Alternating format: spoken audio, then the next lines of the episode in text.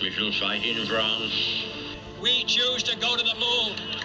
We shall fight on the seas and oceans. Not because they are easy, but because they are hard. atas nama bangsa Indonesia, Soekarno, Hatta.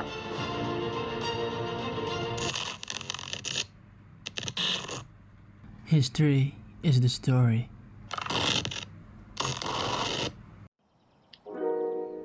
Halo pendengar setia, welcome back to the Maroons Memory Land. Masih bareng aku lagi nih, Dava, ditemani Rahma dan Husni, eh, teman-teman aku dari Departemen Keilmuan Himpunan Mahasiswa Sejarah Universitas Pajajaran. Nah, asik banget nih, kita ketemu lagi. Halo Rahma, Husni, apa kabar nih? Lagi sibuk apa sekarang? Uh, halo Dava, halo Husni. Alhamdulillah kabar aku baik. Kalau aku sih sekarang lagi sibuk biasa sih nugas-nugas kuliah terus sama kegiatan organisasi aja sih. Hmm, kalau kamu gimana nih? Halo, halo Dava, halo Rahma. Alhamdulillah aku juga baik banget nih hari ini. Kesibukan aku sekarang lagi nyusun satu program kerja gitu deh di organisasi sebelah. Kalau kamu sendiri gimana nih, Dav? Alhamdulillah ya, syukur kalau pada baik deh kabarnya. Kalau aku sih sekarang-sekarang ini lagi sibuk banget nih, lagi hektik banget. Apalagi sekitar jam 5 sampai jam 6 sih. Ya biasalah, eh, sibuk nyiapin buka puasa. Hehe. Ya bisa aja kamu Dava, itu mah emang kesibukan bersama kali. Iya nih, bisa aja.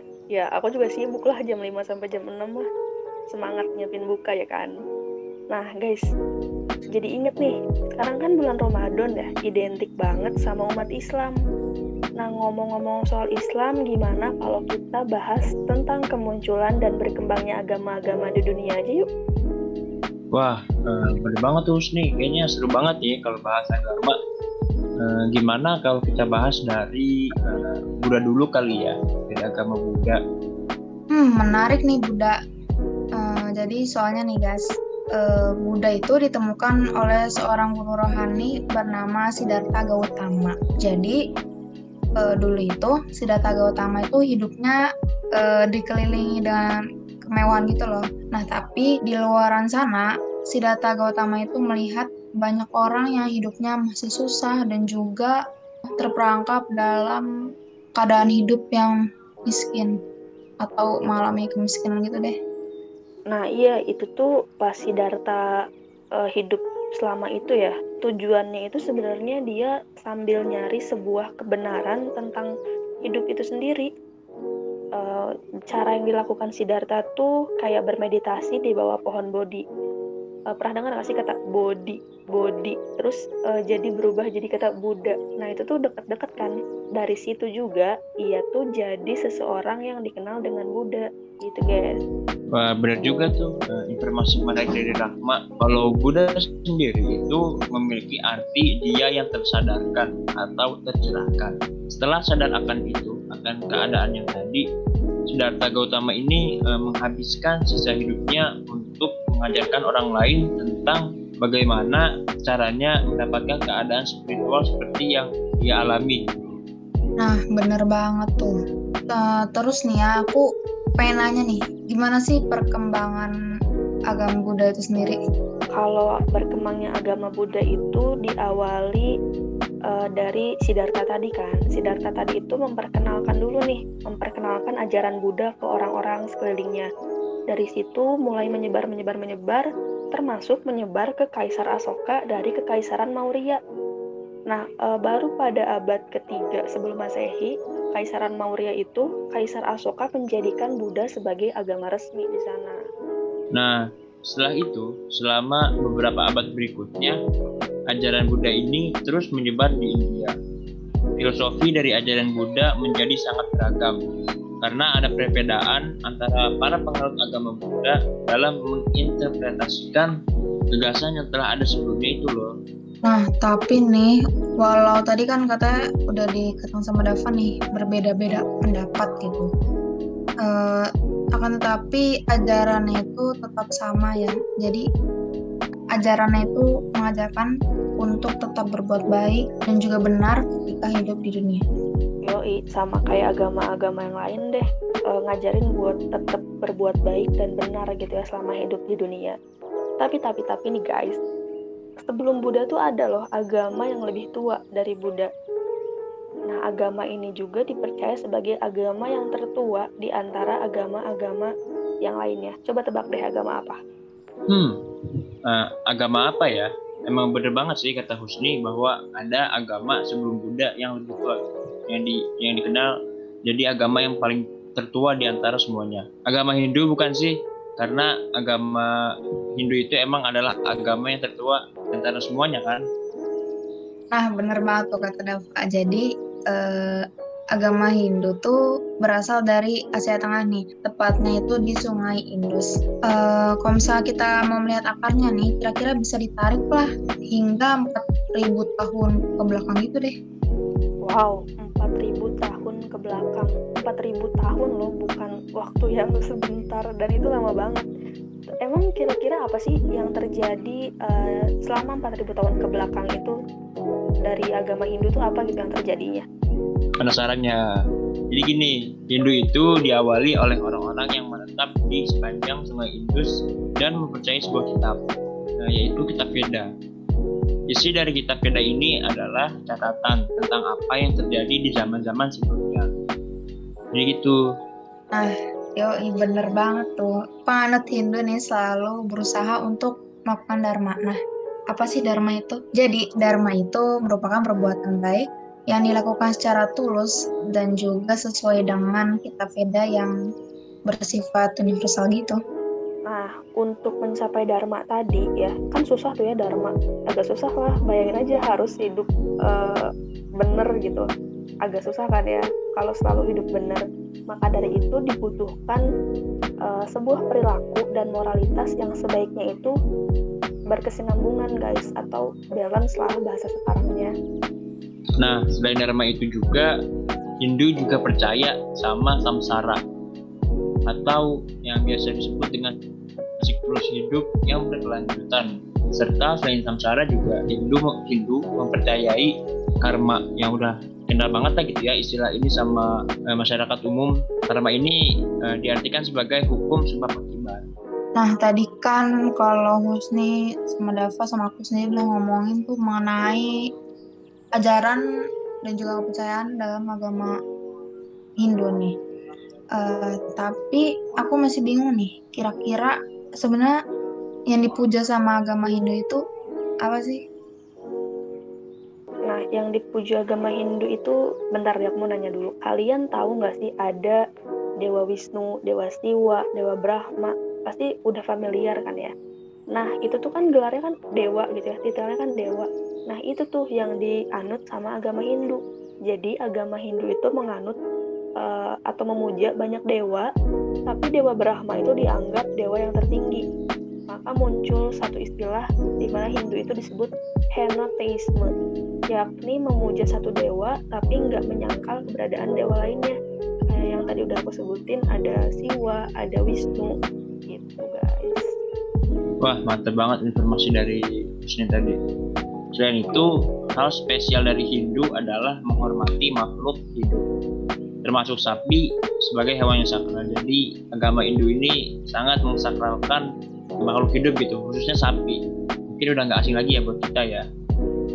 Dan juga eh, agama Hindu ini tuh percaya bahwa perilaku seseorang sangat mempengaruhi kehidupannya saat itu dan juga kehidupannya di masa depan kan sampai sapi juga jadi hewan yang sakral gitu kan. Nah, maka dari itu semua mereka itu kenal sama satu sistem yang memisahkan penganutnya berdasarkan karma dan dharma yang telah mereka percayai. Sistem itu disebut sistem kasta, guys. Wow, agak bertolak belakang gitu ya sama Islam. Karena kan kalau misalnya dalam Islam nih, kita kan tidak mengenal gitu eh, mengenai sistem kasta. Nah, ngomong-ngomong uh, hal yang tadi kalau Islam gak mengenal kasta, aku jadi penasaran nih Islam tuh awal munculnya tuh gimana sih? Nah, jadi gini Rahma dan teman-teman semua. Islam itu datang di Arab ketika lingkungan sosialnya kurang baik, bahkan jauh dari kata beradab. Atau mungkin yang biasa dikenal gitu ya, yang kita belajar dari kecil dulu itu uh, Arab saat itu mengalami uh, apa yang disebut dengan masa jahiliyah nih. Nah, kemudian Rasulullah saat itu telah hadir ke dunia. Melihat banyak hal yang tidak beres, semacam maksiat dan lain-lain, Rasul sering melakukan uzlah di Gua Hira untuk mendekatkan diri kepada Tuhan bentar-bentar deh. Tadi ada satu kata yang aku garis bawahi dan kedengarannya asing gitu, yaitu kata uzlah. Uzlah itu apa sih guys? Nah, jadi Husni, uzlah itu semacam perenungan diri itu loh. Jadi uzlah itu perenungan diri yang dilakukan untuk mencapai ketenangan duniawi yang tujuannya menguraikan makna kehidupan. Nah, biasanya nih uzlah itu dilakukan ketika seseorang merasa lingkungannya tidak sedang baik-baik saja gitu loh. Uh, kayaknya ada sama-sama gitu ya tadi ada kesamaan sama si Darta gitu yang uh, memutuskan untuk bermeditasi. Bedanya kalau si Darta tuh di pohon bodi kan bermeditasinya. Nah iya bener banget nih kelihatannya sih ada kesamaan gitu ya. Tapi yang jelas uzlah ini itu sebuah upaya untuk menghindarkan diri dari perbuatan sia-sia dan fokus untuk meningkatkan ibadah. Nah, benar banget tuh kata Dava. Usaha itu sebuah upaya menghindarkan diri dari perbuatan sia-sia dan fokus untuk meningkatkan ibadah. Nah, melalui uzlah juga nih, Rasulullah Shallallahu Alaihi Wasallam mendapatkan wahyu dari Allah Subhanahu Wa Taala, yang mana wahyunya nih diturunkan oleh Allah Subhanahu Wa Taala tuh secara berangsur-angsur, yakni selama 22 tahun dua bulan dan 22 hari. Hal ini juga nih menjadi inovasi bagi Usman bin Affan untuk mengumpulkannya menjadi satu yang kalau kita kenal nih sekarang itu ya sebagai Al-Quran, kitabnya dari agama Islam. Nah, nah, nah, dari tadi kan kita bahas Rasulullah ya, atau Nabi Muhammad sebagai Rasulullah dan sebagai Nabi terakhir gitu di agama Islam. Nah, apakah Nabi terdahulu juga beragama Islam? Ya, aku penasaran nih. Wah, itu frustasi jujur sih pertanyaannya. Tapi uh, gimana kalau kita ibaratin satu hal aja guys? Jadi gimana kalau kita ibaratin Nabi dan Rasul itu uh, sebagai obat yang diberikan pada orang sakit? Bagaimana kita tahu kalau orang sakit itu kan uh, kondisinya tiap orang beda-beda ya, sakitnya beda-beda maka beda-beda juga kan obatnya. Nah, uh, dalam hal ini itu yang beda itu adalah ajarannya, guys. Jadi ada orang sakit, terus yang terus ajarannya itu obatnya itu dikasih lewat ajaran-ajaran nabi terdahulu gitu. Tapi beda-beda gitu loh. Agak pusing sih, tapi semoga kalian paham deh maksudnya. Pokoknya yang pasti nabi dan rasul ini menyembah Allah yang Maha Esa dan kebenarannya itu nggak diragukan lagi. Nah, bener banget tuh kata Husni. Jadi Islam juga nih datang sebagai agama penyempurna dari ajaran Rasul terdahulu dan Nabi Muhammad Shallallahu Alaihi Wasallam sebagai Rasul terakhirnya. Kita udah bahas Islam dari tadi. Ada juga uh, agama lain nih, Kristen Katolik yang lahir beriringan dengan kelahiran Yesus ke Bethlehem, Palestina di awal abad keempat Masehi. Nah iya tuh ada Katolik uh, yang kita kenal sekarang juga kan nah Katolik itu sampai meluas banget guys. Dikenal dikenal sampai ke Amerika Afrika bahkan di Asia pun banyak dikenal gitu. Tapi aku mau nanya deh sekalian deh ke Rahma. Kali mungkin kayaknya Rahma tahu nih. Siapa sih mak uh, sesuatu yang dipercayai sama Katolik gitu? Nah jadi nih ya. Mengenai kepercayaannya jadi dalam agama Katolik itu percaya adanya Allah Bapa Yesus Sang Putra dan Roh Kudus. Nah, di mana nih ya? Yang mana tadi Allah Bapa, Yesus Sang Putra dan Roh Kudus itu uh, tercantum pada Credo Nikea yang menjadi pusat informasi daripada agama Katolik. Uh, kemudian uh, pusat lokasinya itu berada di Vatikan dengan Paus sebagai pemimpin utamanya. Nah, tapi tapi setelah kamu berakhir nih, Paulus yang jadi wakil Kristus dipercaya bisa ngasih pengampunan dosa bagi melalui pember pemberkatan. Ini agak aneh sih. Hal ini pula yang bikin Kristen ini pecah jadi dua nih guys. Hmm, mau tunggu. Pecah jadi dua. Kristen pecah jadi dua. Gimana tuh maksudnya? Bisa pecah jadi dua gitu? pecahnya Kristen jadi dua itu uh, tadi kalian uh, ngeh nggak sih nge-highlight nggak sih pas dapat bilang Kris, wakil Kristus tuh dipercaya bisa ngasih pengampunan dosa. Ya ampun gimana caranya sih ngasih pengampunan dosa bagi umat-umatnya melalui pemberkatan.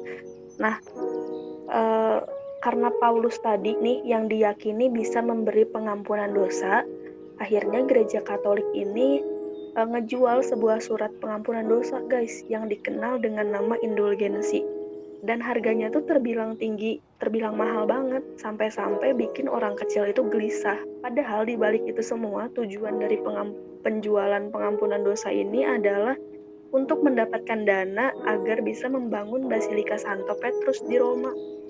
Wah, kalau begitu kayaknya waktu itu situasinya kacau banget ya dan nggak adil gitu buat orang-orang yang kecil gitu.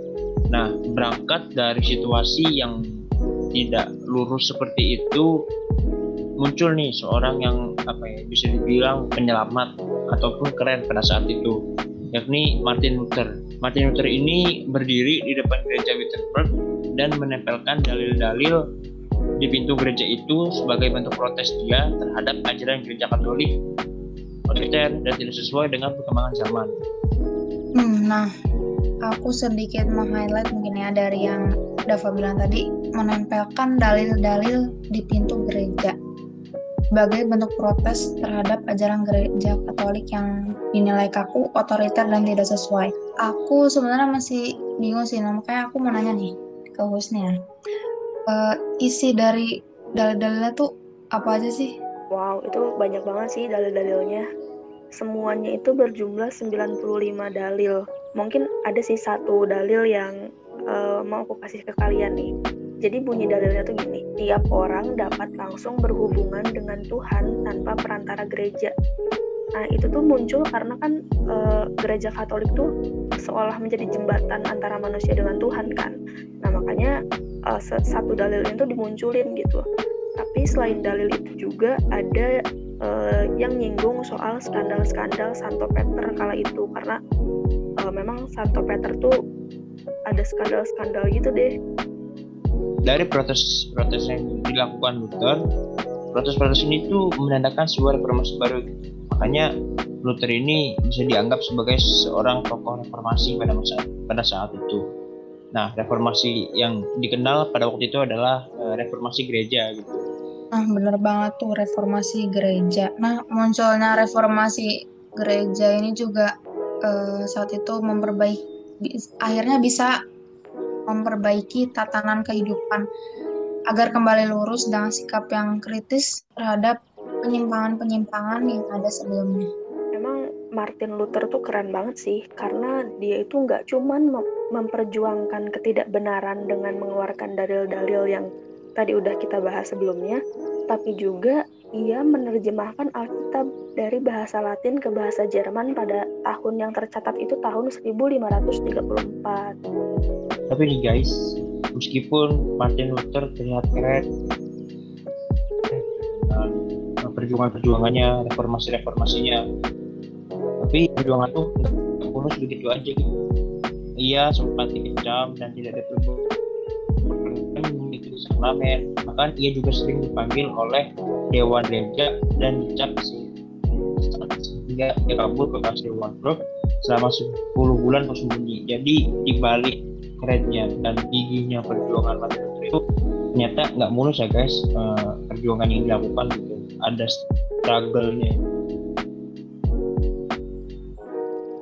Nah bener banget tuh kata Dava bahwa perjuangan seorang Martin Luther nih tidak semulus yang mungkin yang orang-orang sekitar lihat gitu lah. Nah kemudian ya terjadi banyak konflik juga gitu. Terjadi akibat gerakan-gerakan yang telah digagas oleh Martin Luther. Misalnya nih pada tahun 1524 hingga tahun 1648 sering terjadi konflik yang uh, terjadi antara kubu Katolik Roma dengan reformis Protestan. Nah, kemudian pada tahun 1524 ada juga nih namanya Perang Petani. Nah, habis itu ada juga nih perang 30 tahun di Jerman yang dimulai pada tahun 1618 dan berakhir pada tahun 1648. Nah, benar banget. Dari sekian banyak konflik yang terjadi karena uh, reformasi gereja tadi, perang 30 tahun itu jadi puncak perang dari konflik-konflik sebelumnya yang ada nih guys. Dengan perang 30 tahun ini, seenggaknya aliran-aliran Kristen itu jadi diakui seperti aliran Kristen Katolik Roma, Lutheran, sama Calvinis. Wah, ternyata cukup banyak juga ya konflik yang terjadi pada saat itu di balik perjuangan Luther.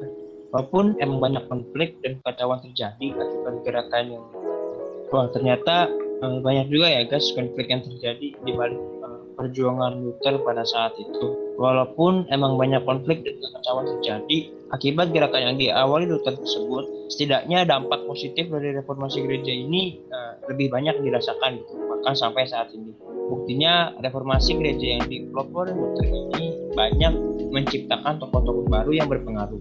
Yap, setuju banget tuh apa yang dikatakan sama Husna dan juga Dava.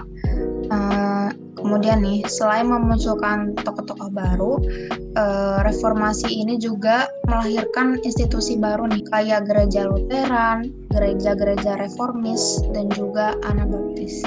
Wah, ini seru banget sih pembahasan tentang Kristen.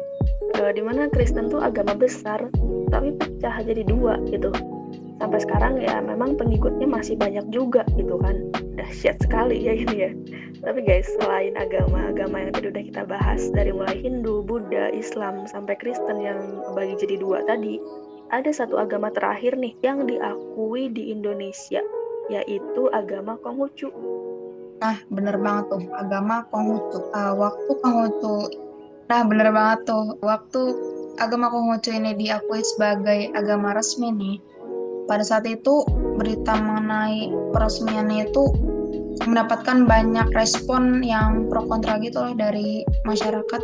Wah banyak mendapatkan respon pro kontra gitu ya. Emang gimana sih sejarah dari agama Konghucu ini? Nah jadi Konghucu itu sebenarnya namanya itu diambil dari nama nabi eh, yang jadi kepercayaan agama Konghucu tersebut. Nabi yang diakui di Konghucu itu ada 29 jumlahnya itu tuh mulai dari Nabi Fusi sampai Konghucu. Nah, udah kejawab dong kenapa nama agamanya agama Konghucu gitu ya. Itu karena e, nabi terakhirnya itu namanya Nabi Konghucu gitu loh.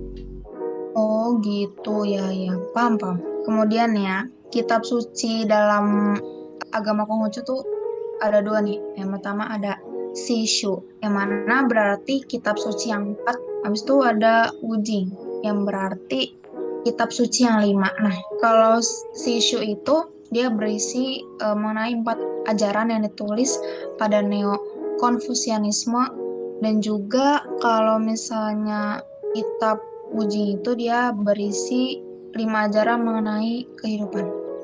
Nah, tadi kan disebutin gitu ya, kitab suci dan sejarahnya. Ada cerita nih dari uh, perjalanan Nabi Konghucu jadi sebenarnya perjalanan perjalanannya itu nggak mudah kurang lebih sama lah ya sama perjalanan Luther tadi ada struggle yang dihadapi Nabi Konghucu pernah menjabat sebagai gubernur dan saat itu ia per, ia pernah dipitnah dan diturunkan dari jabatannya. Setelah uh, diturunkan dari jabatannya itu ia langsung mengembara nih jadi guru keliling selama sisa hidupnya. Dan dari situ ia memiliki banyak pengikut. Wow, emang uh, banyak sih struggle-struggle yang di, dialami sama para pemuka agama gitu ya istilahnya. Nah, maka dari itu ada bayaran juga, bukan bayaran sih, ya istilahnya bayaran lah ya, uh, karena kehebatan mereka-mereka yang menjadi pemuka agama gitu. Salah satunya adalah Nabi Konghucu ini yang kelahirannya itu diperingati oleh para pengikutnya untuk menghormati atas dedikasinya dalam penyebaran agama Nah, perayaannya itu diperingati setiap tanggal 27 September. Nah, ternyata nggak kerasa banget nih, guys. Kita udah ada di pembahasan terakhir aja. Nah, tapi sebelum berakhir nih ya, ada sebuah pernyataan dari Louis Massignon. Menarik nih pernyataannya. Mengingat banyak banget nih agama yang ada di dunia. Nah, kurang lebih uh, gini nih yang dia katakan aku berpikir dengan sungguh-sungguh dalam masalah agama-agama. Kemudian aku dapati satu pangkal yang mempunyai cabang-cabang yang banyak. Janganlah engkau memaksakan satu agama kepada seseorang, karena itu akan memalingkan dari asal mula. Hanya satu yang dapat ditanyakan padanya, asal mula itu sendiri yang harus dicari. Kalau dia yang menyingkap terhadap semua kebesaran dan semua makna, baru manusia akan memahaminya.